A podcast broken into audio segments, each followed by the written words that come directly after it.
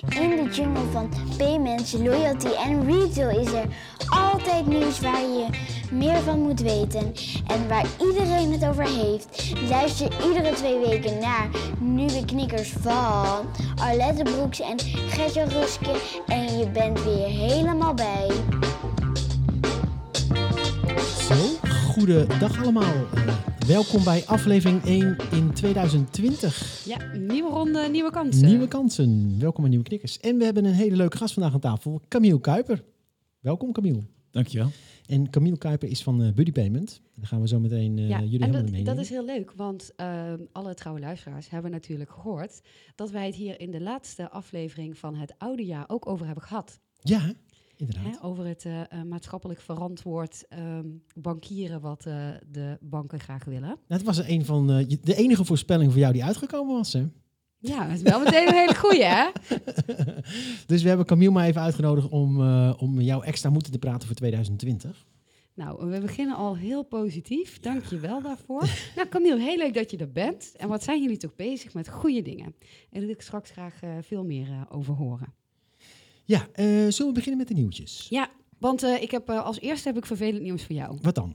Nou, dat Libra, dat gaat hem niet meer worden. Nee, ik heb het begrepen. Ja, en ik heb het ook gelezen. Linkje stoppen we natuurlijk in de show notes. ja.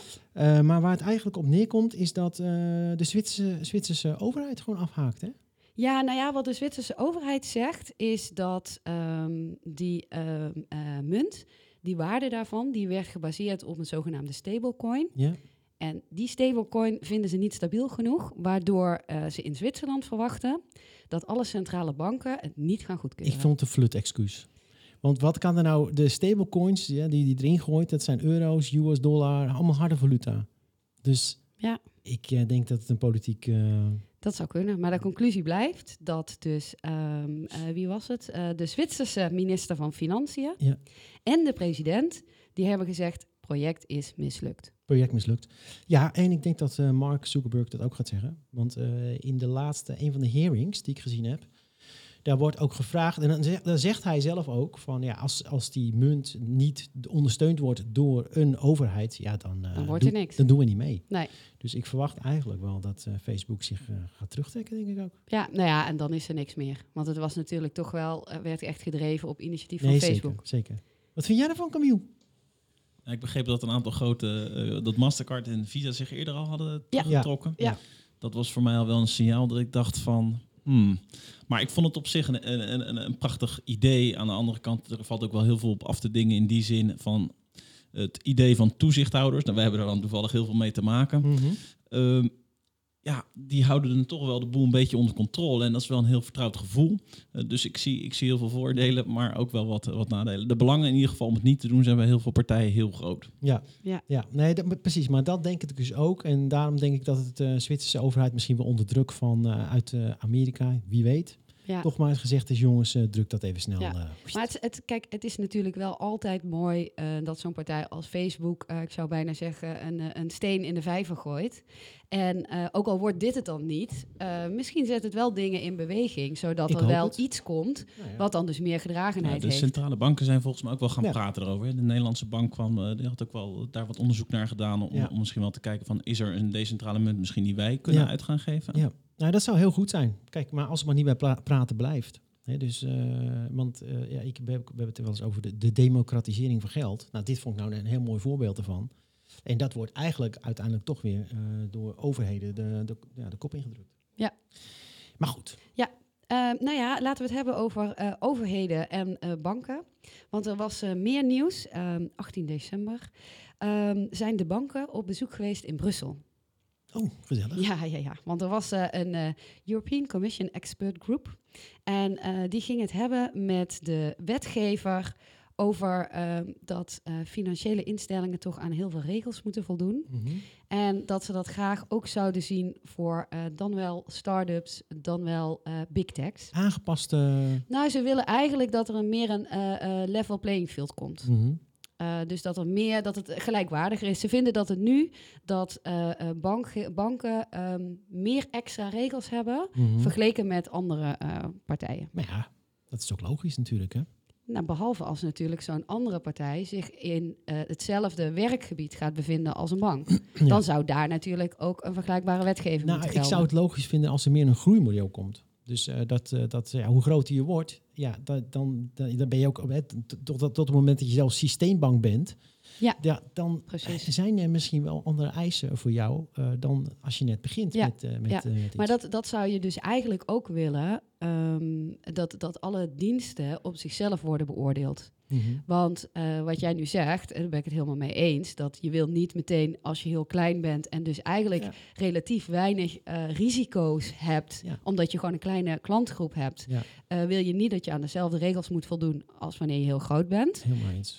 Maar dat zou je dus ook willen voor ehm, initiatieven binnen, Binnen de bank zelf. binnen de bank zelf. En dat is natuurlijk Dat is- en dat- een, een belangrijk onderwerp. Ja, Waar Ja. banken, als ze willen kunnen concurreren met eh start-ups, ja. Moeten ze daar ook wel wat meer dat- ruimte krijgen. Dat is op zich wel heel logisch. Want eh, daar heb ik natuurlijk zelf ook mee geroeid eh, destijds bij, me, bij, de, bij de Rabo.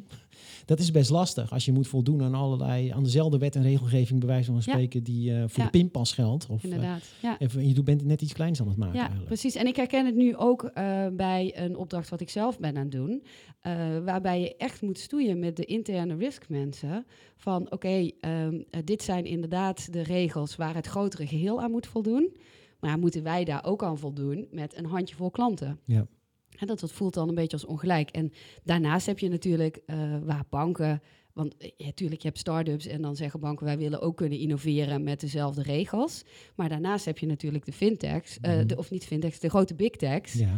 En daarvan wordt gezegd van ja, hartstikke leuk. Maar als zij komen met bijvoorbeeld een betaaloplossing... dan vinden we eigenlijk wel dat ze aan dezelfde bijvoorbeeld privacyregels moeten voldoen als wij. Want Ja. anders ben je ook appels met peren aan het vergelijken. Ja. Zeker omdat de impact ook dan heel groot is. Het gaat Ja, om een hele grote precies. groep mensen.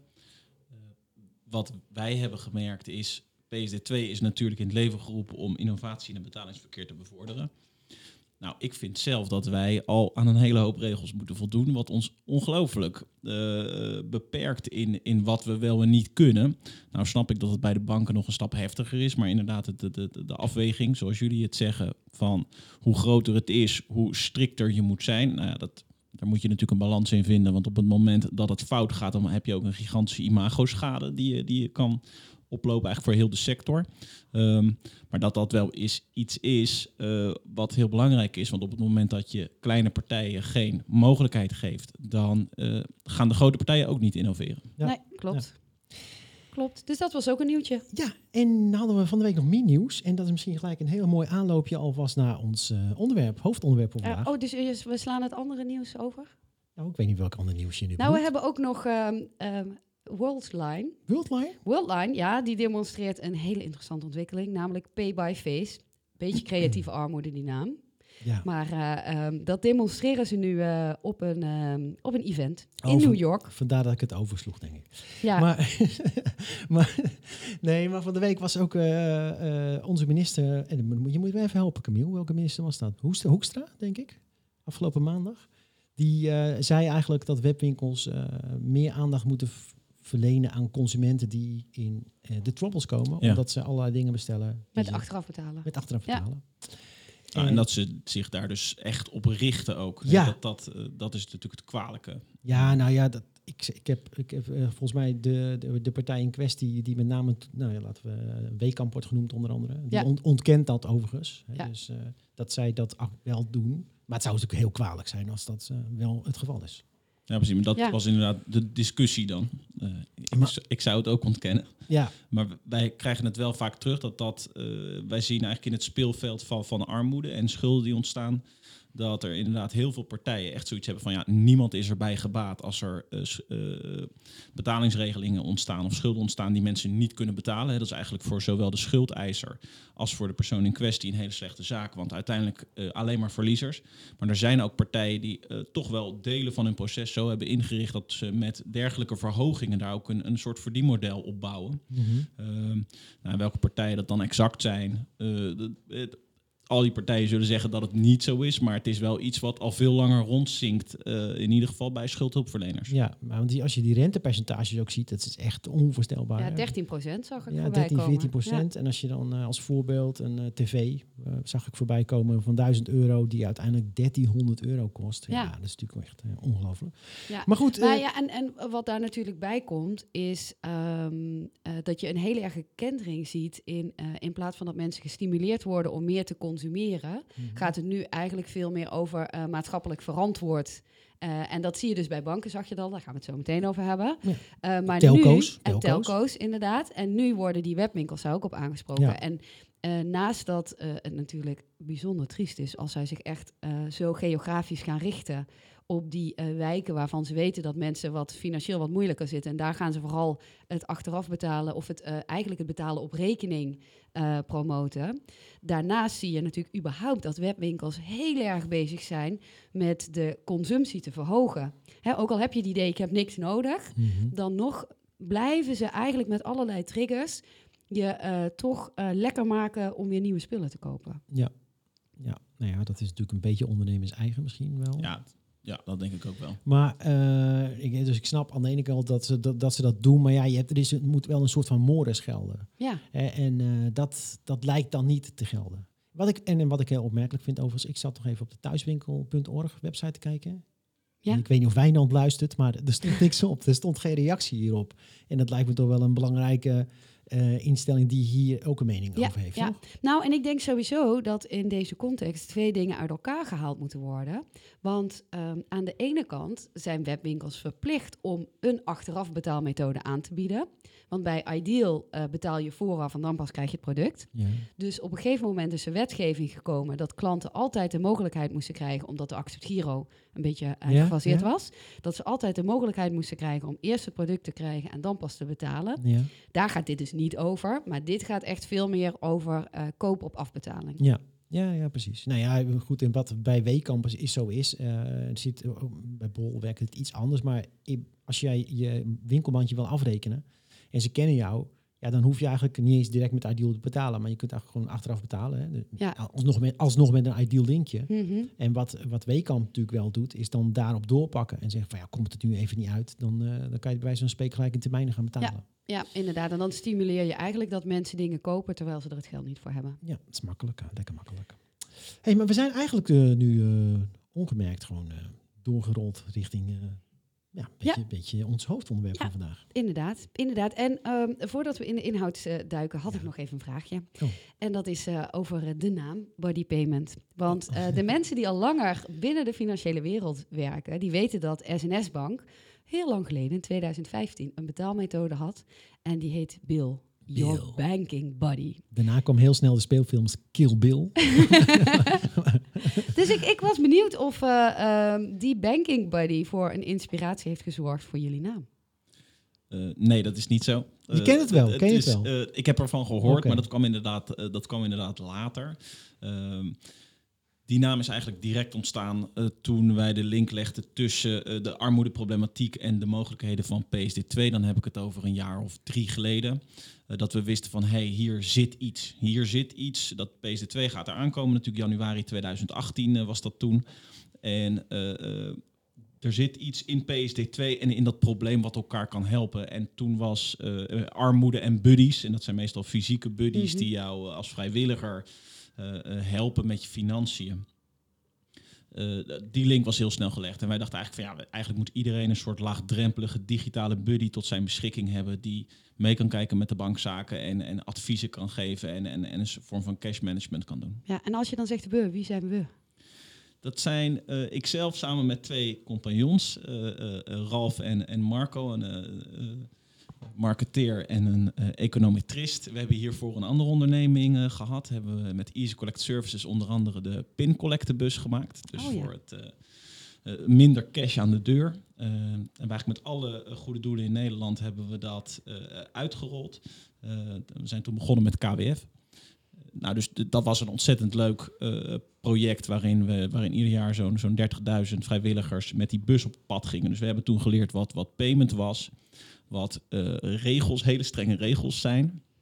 waar je aan moet houden. Maar ook dat als je aan die regels voldoet, dat je dan best wel mooie dingen kan neerzetten en, en kan innoveren. Dus toen zijn, was ook een beetje onze intrede in de betaalwereld, was dat. En eigenlijk van daaruit uh, nou, dus de link gelegd met, met armoede en PSD2.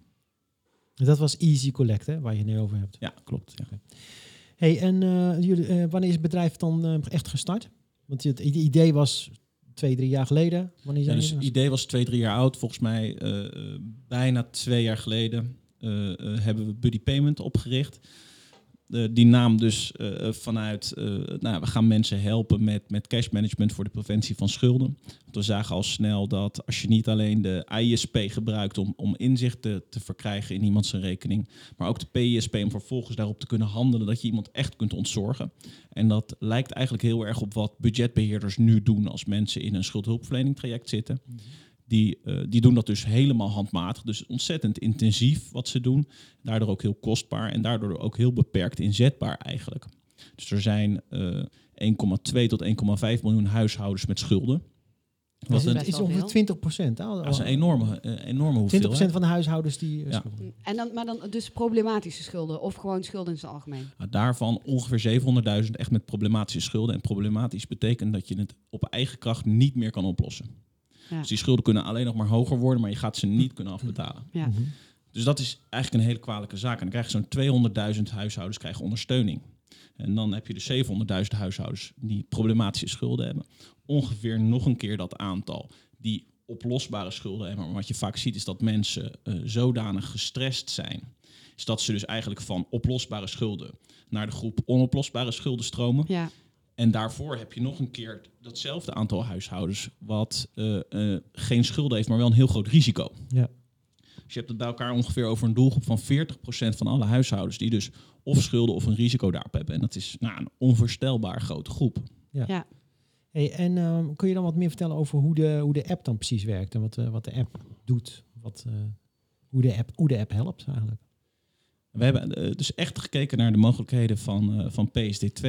En uh, we zagen van wat er op dit moment heel veel gebeurt, is dat er een vorm van overbesteding is. Doordat mensen niet goed weten uh, hoeveel geld ze aan iemand anders hebben beloofd. Hoeveel geld er via automatische incassus afgeboekt gaat worden. En ze dus daadwerkelijk nog te besteden hebben. Dus er staat 1500 euro op de rekening. Maar in werkelijkheid heb je nog maar 250 euro te besteden. Ja, omdat de rest eigenlijk al afgesproken is dat het naar andere bestemmingen gaat. Ja, precies. En als ja. je dat uh, als je daar niet goed mee omgaat, dan uiteindelijk komt er dus een deurwaarder aan de deur die een hoop geld kost.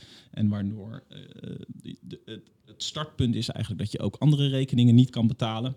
Waardoor je een stapeling krijgt eigenlijk van schulden. En als je naar het grote geheel kijkt, dan duurt het gemiddeld vijf jaar voordat mensen uh, zich aanmelden bij hulp. En dan hebben ze gemiddeld 43.000 euro schuld. Dus we hebben het over een ontzettend lange route eigenlijk. En dan en is het wel problematisch. Dan is het vrij ja. problematisch. Dus uh, jullie app, uh, neem ik aan, gaat inzicht geven aan die mensen? Ja, dus we hebben gezegd, uh, Buddy moet een, een bankierenomgeving zijn. Want we merken, als je mensen echt wil helpen, dan heb je een vorm van dagelijks contact nodig. Als je dat niet hebt, dan kun je hele goede hulp bieden, maar dan komen mensen gewoon niet bij jouw platform. Dus dat dagelijks contact is heel belangrijk. En uh, mensen maken dagelijks gebruik van hun bankieromgeving. Dus in Buddy kun je gewoon dagelijks bankieren en de hulp die je nodig hebt, die krijg je erbij. En die hulp die bestaat eigenlijk uit twee zaken. Het is een bankair gedeelte waarin we cash management doen. Dus we zetten de vaste lasten altijd direct bij als er inkomen is apart. En je hebt inzichtelijk wat je echt nog te besteden hebt. Okay. En verder doen we zaken zoals categoriseren. We geven visuals op hoe dat dan precies is opgebouwd, jouw inkomen, hoe je lasten zijn opgebouwd en wat je dan verder nog uitgeeft. Mm -hmm. Maar het grote verschil zit hem in het visualiseren van wat je echt nog te besteden hebt. We merken dat daardoor de uitgaafpatronen van gebruikers uh, veel stabieler zijn. Ja. Daar waar eerst vlak na het inkomen er relatief veel geld uit werd gegeven, ja, stabiliseert dat. Doordat mensen veel beter in kunnen schatten uh, wat ze nog uit kunnen geven. Ja. En het andere stuk is een coachingstuk. We merkten dat uh, bankieren en dat beter inzicht geven in wat je nog over hebt niet voldoende is. Maar dat het ook van belang is dat er een soort vraagbaken is. Dus we hebben eigenlijk een chatfunctionaliteit ontwikkeld die mee kan kijken op jouw bankrekening. En die dus proactief kan communiceren als er iets niet in de haak is. Mm -hmm. Bijvoorbeeld als je inkomen is gestegen, maar je toeslag is hetzelfde gebleven. Dan stuurt Buddy proactief een berichtje dat je dat moet aanpassen, omdat je anders een probleem kan krijgen. Ja. Ja. Dat vond ik, eh, ik zag de use case voorbij komen over de huurtoeslag, bijvoorbeeld. Maar diezelfde use case die heb ik ook wel eens gehoord van de Volksbank. Is dat de Volksbank? Eh, ja, ja, klopt. Ja, ja, ja. Die Zie, maar die hadden daar eh, best, want die ja. konden dat ook. hè, Die hadden kennelijk Ja. ook een algoritme ontwikkeld, maar die, die vonden dat best wel eh, lastig om die functionaliteit vrij te geven, omdat zij toch ook het idee hadden dat ze weer een klantgroep hadden die zoiets hebben. Waarom kijk je mee? Ja, Weet je, wat, wat heb jij bank, ermee te maken? Maar dan vooral bank, waar bemoei je je ja, bank bemoeien. Ja. Waar bemoei je mee? Want dat blijft natuurlijk altijd toch een beetje ingewikkeld. Zeker als jij ook een eh, krediet hebt bij diezelfde bank. Dan wil je eigenlijk natuurlijk niet helemaal openheid van zaken geven. Want dat kan ten koste gaan van de andere financiële ruimte die je hebt Het gekregen. kan zijn dat er afdelingen conflicterende belangen hebben binnen één bank. Dat het voor de ene afdeling een verdienmodel is en dan Ja. de andere afdeling er een service van wil ont- eh, maken.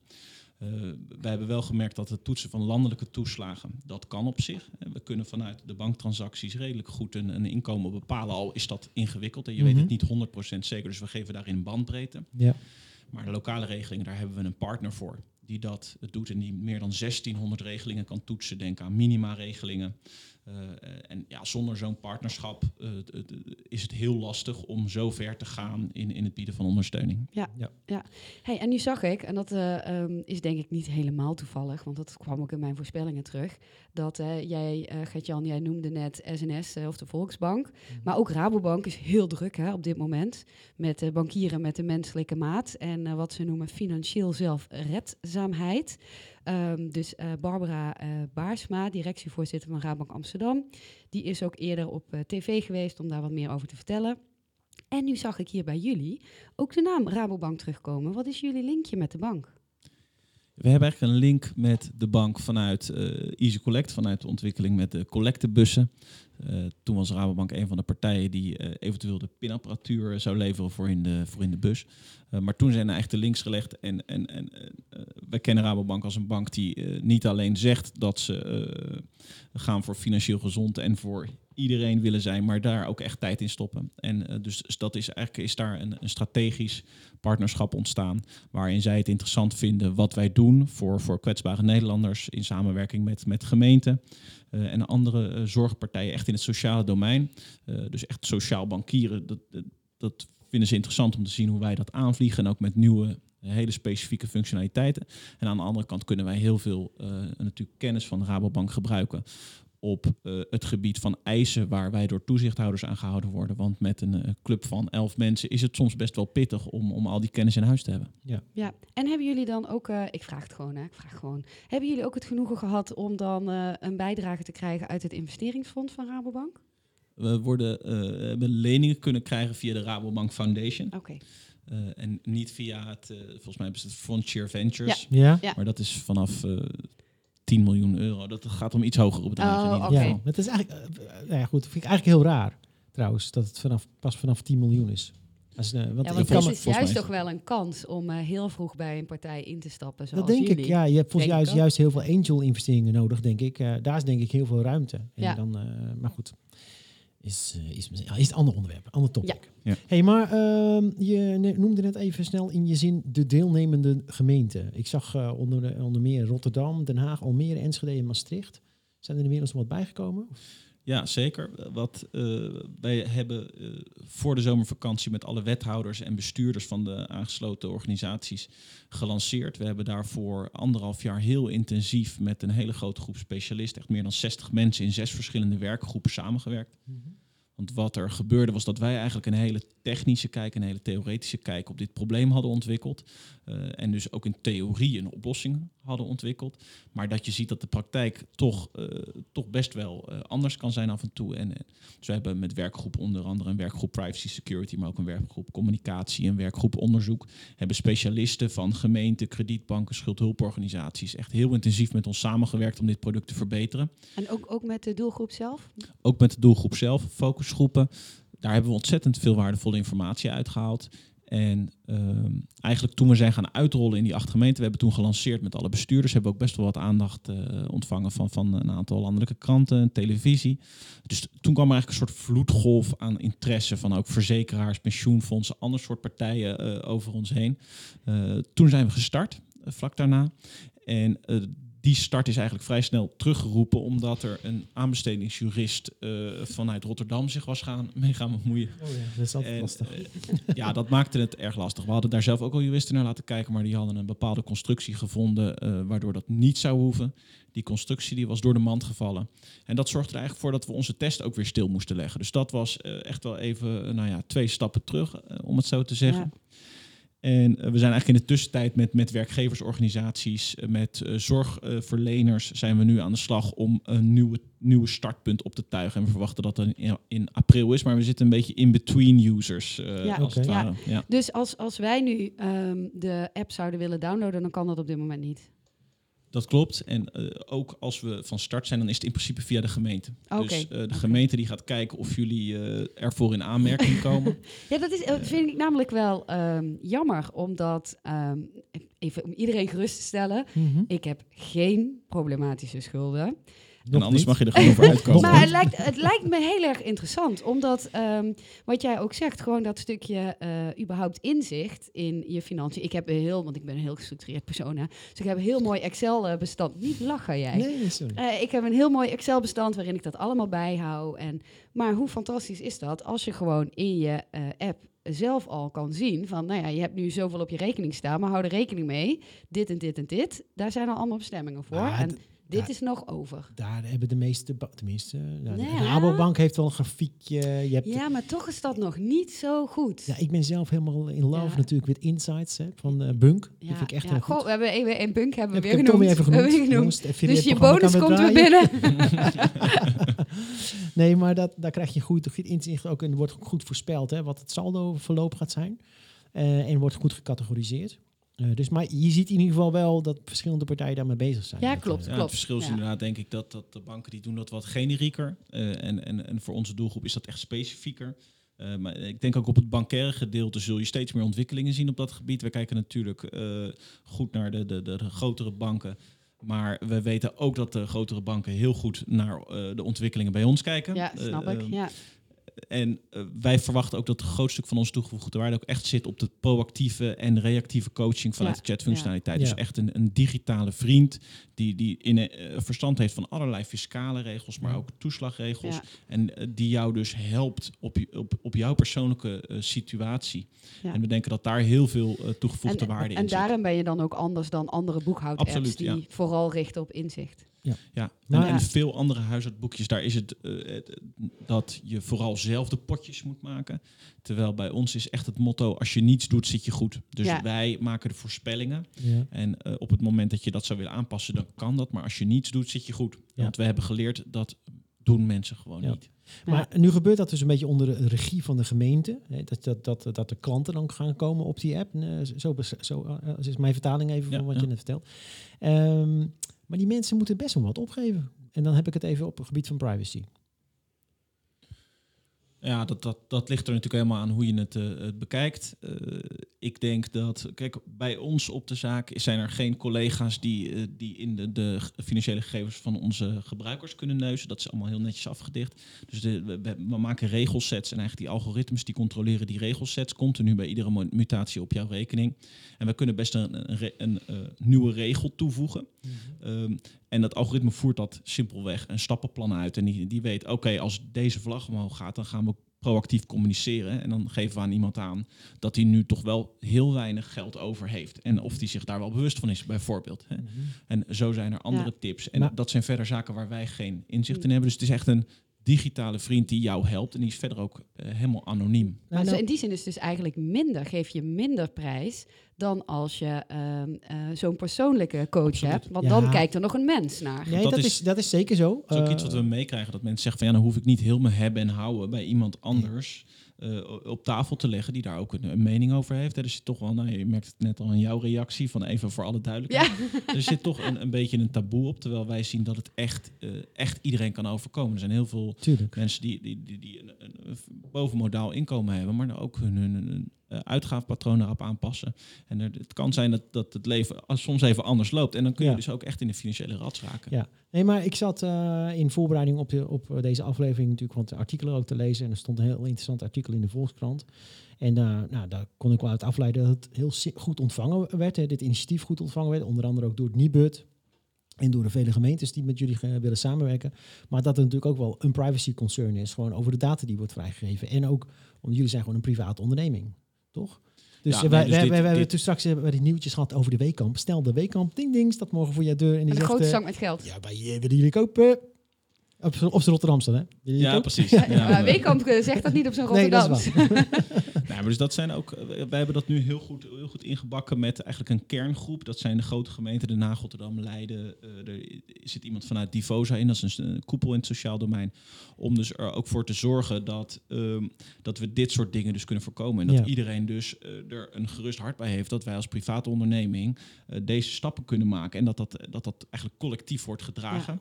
Eh, maar dat, dat zijn inderdaad dingen die ook wel in de, in de Volkskrant werden, eh, werden aangehaald. En ik denk ook terecht, eh, dat zijn dingen waar we, waar we met elkaar daarom ook goede afspraken over hebben gemaakt. Mhm. En, en wat betreft eh, data, dat is natuurlijk nu overal een heet hangijzer. De, de, de- de- een hele grote groep van de mensen die, die vindt het wel heel eng, maar die weet niet precies waar het dan precies over gaat. Wij zeggen altijd, we vragen netjes toestemming. Nou, dat is in principe voldoende. Ehm, maar we hebben dus een werkgroep Privacy and Security. En nou, dat vond iedereen een hele belangrijke werkgroep. Maar Mhm. vervolgens, niemand wilde erin. Ja, dus zo ja. gaat het een beetje. Ja. Zo gaat het een Ja, beetje. want ik denk eigenlijk de belangrijkste vraag in deze, zeker als je het hebt over data, is eh, wat is jullie verdienmodel? Ja, dat is dus niet dat we die data vervolgens verkopen, maar de gemeente die betaalt een eh, bedrag per gebruiker per maand voor iedere inwoner aan wie zij eh, de buddy-applicatie aanbieden. Oké. Dat gaat bij eh, kredietbanken, schuldhulpverleners, maar ook bij zorgverleners gaat dat precies hetzelfde. Mhm. Zij zien van hé, hey, er is hier iemand met een hulpvraag, maar die kan eh, normaal gesproken zou die niet geholpen kunnen worden. We bieden hem de buddy-applicatie aan. Ja. En zij betalen daar dus een bedrag voor. En dat betekent dus ook dat zij stakeholder zijn in het maken van de afspraken met wat we dan wel en niet verder doen. En voor ons is eh, het vertrouwen staat op één. Als dat er niet meer is, dan kunnen we wel inpakken. Ja, want ik kan me voorstellen dat als je dan zo bent aan het brainstormen met het team, dat het ergens natuurlijk ook verleidelijk is om te zeggen, ja, maar misschien kunnen we dan geanonimiseerd, geaggregeerd trends zien en kunnen we daar iets mee? En hoe gaat dat dan bij jullie op kantoor? Nou ja, als we inderdaad aan de lange tafel zitten, dan zijn dit natuurlijk gesprekken die, eh, die worden gevoerd. Eh, wij lezen ook allemaal eh, boeken en kranten die gaan over, over trends. Ehm, eh, maar nogmaals, voor ons is dus dat stukje vertrouwen staat op één. En, en dat betekent dus dat, dat je dit soort dingen dus ook niet doet. En dat je daar hele duidelijke afspraken over maakt. Voor ons gaat het erom dat we een schaalbare oplossing neerzetten. En dat kun je alleen doen als je veel partners en veel draagvlak hebt. Want die moeten eigenlijk dat product gaan dragen. En die zijn hier dus ook heel erg strikt op. Maar Ja. kijk, natuurlijk, er wordt bijvoorbeeld op het gebied van eh, vaste lastentoetsing of eh, vaste lastenvergelijking. Wij zien precies eh, welke waar je een abonnement hebt. En we zouden daar best wel wat analyses op los kunnen laten. Zijn ook ondernemingen natuurlijk die dat doen. Ja, maar we hebben ook met partijen als, als Independer, de Consumentenbond gesproken van hoe zou het in zijn werk gaan. En we denken dat we daar voor mensen die toch relatief weinig geld hebben, misschien wel 300, 400 euro per jaar zouden kunnen besparen. Ja, een hele hoop ja. geld. Ja. Nou ja, maar ik denk sowieso, kijk, als je eh, verdienmodel wat je hebt al interessant genoeg is, en dat is volgens mij in jullie geval zo, want je doelgroep is ook groot genoeg, Zeker. Ja. dan kun je altijd zeggen met dit soort eh, eh, diensten van, hey, wij kunnen je een bepaalde benchmark aanbieden, maar dat is dan op basis van opt-in. Dus alleen als jij dat wil, Precies. Ja. ga jij Ja. in die eh, benchmark groep Ja, kijk, en en anders de- doen we er niks mee. Dus, en daar zul je eh, altijd toestemming voor eh, moeten vragen, inderdaad. Maar we blijven wel eh, kritische vragen stellen, ook op dit gebied. Dat we zeggen van ja, maar we denken dat, dat met een dergelijke toepassing, dat hoeven we ook niet zelf te ontwikkelen. Daar zouden we bijvoorbeeld met een partner kunnen samenwerken. Dat we onze doelgroep heel erg kunnen helpen. Maar je ziet op, op overal op het gebied van data, het is ook in, altijd als, als we met iemand spreken, is dit eh, een belangrijk eh, onderdeel van gesprek. Dat het een heel heet hangijzer is en dat je er heel voorzichtig mee moet zijn. Dus voor nu, eh, ja, je kunt natuurlijk je creativiteit vrije loop laten, maar we houden het nu even bij de core, want we zien dat we daar voldoende toegevoegde waarde hebben om, om mensen mee te kunnen helpen. heel goed. En vanuit PSD 2 zijn natuurlijk ook allerlei eisen die men aan jullie gaat stellen. Want hoe loopt de vergunningsaanvraag tot nu toe? Ja, we hebben hiervoor hebben we, eh, vooral met een directe koppeling met de Rabobank eh, getest. Dus dat was voor ons heel waardevol. En we, we zijn al een hele tijd al meer dan, nou, ik denk ongeveer een jaar bezig met de vergunningaanvraag. Dus dat gaat absoluut niet vanzelf. Ehm, maar eh, wat ik van de DNB heb begrepen is dat we echt in de laatste fase zitten. Ze Kijk. willen dan niet zeggen van wanneer die dan precies komt. Maar ze Eh, hebben wel al gezegd, bestel de champagne maar alvast, dan hebben jullie hem al in huis. Ja, precies. Gaan we, eh, dat niet- ook Zouden ze daar ook in sprints van twee weken werken? Bij de, bij de Nou, ik- Eh, nou, Ik weet in ieder geval wel dat het daar eh, even stil heeft gelegen met de, met de vakantie. Ehm, nee, maar dus dat, dat duurt wel heel erg lang. En dat, dat is voor ons op dit moment wel een van de grootste risico's die wij wekelijks bespreken. Van hey, elke week dat het langer duurt, is voor ons een week dat we niet van start kunnen. We hebben inmiddels onze systemen weer helemaal teruggebouwd om met de PSD2 API's aan slag te kunnen. Dus ook niet meer op die directe boekhoudkoppelingen eigenlijk wat we eerst deden. Eh, dus dat is nu gewoon een, een liability aan het worden. Dat je dus eh, je vergunning verwacht, maar dat die er nog niet is. Hey, eh, we zijn ruim over het half uur. Ik Ja. ga nu de eindtune instarten. dan zeg ik hartelijk bedankt Camille voor alle informatie die je met ons eh, gedeeld hebt. Ik denk eh, een super interessante doelgroep waar we niet altijd genoeg aandacht aan besteden. Eh, maar dus dank eh, eh, om, dat je al je kennis met ons gedeeld hebt. Nou, bedankt voor de Ja, uitnodiging. dankjewel. En jullie heel hartelijk dank voor het luisteren. En eh, over twee weken zijn wij hier weer. Zeker. Tot dan. Doei!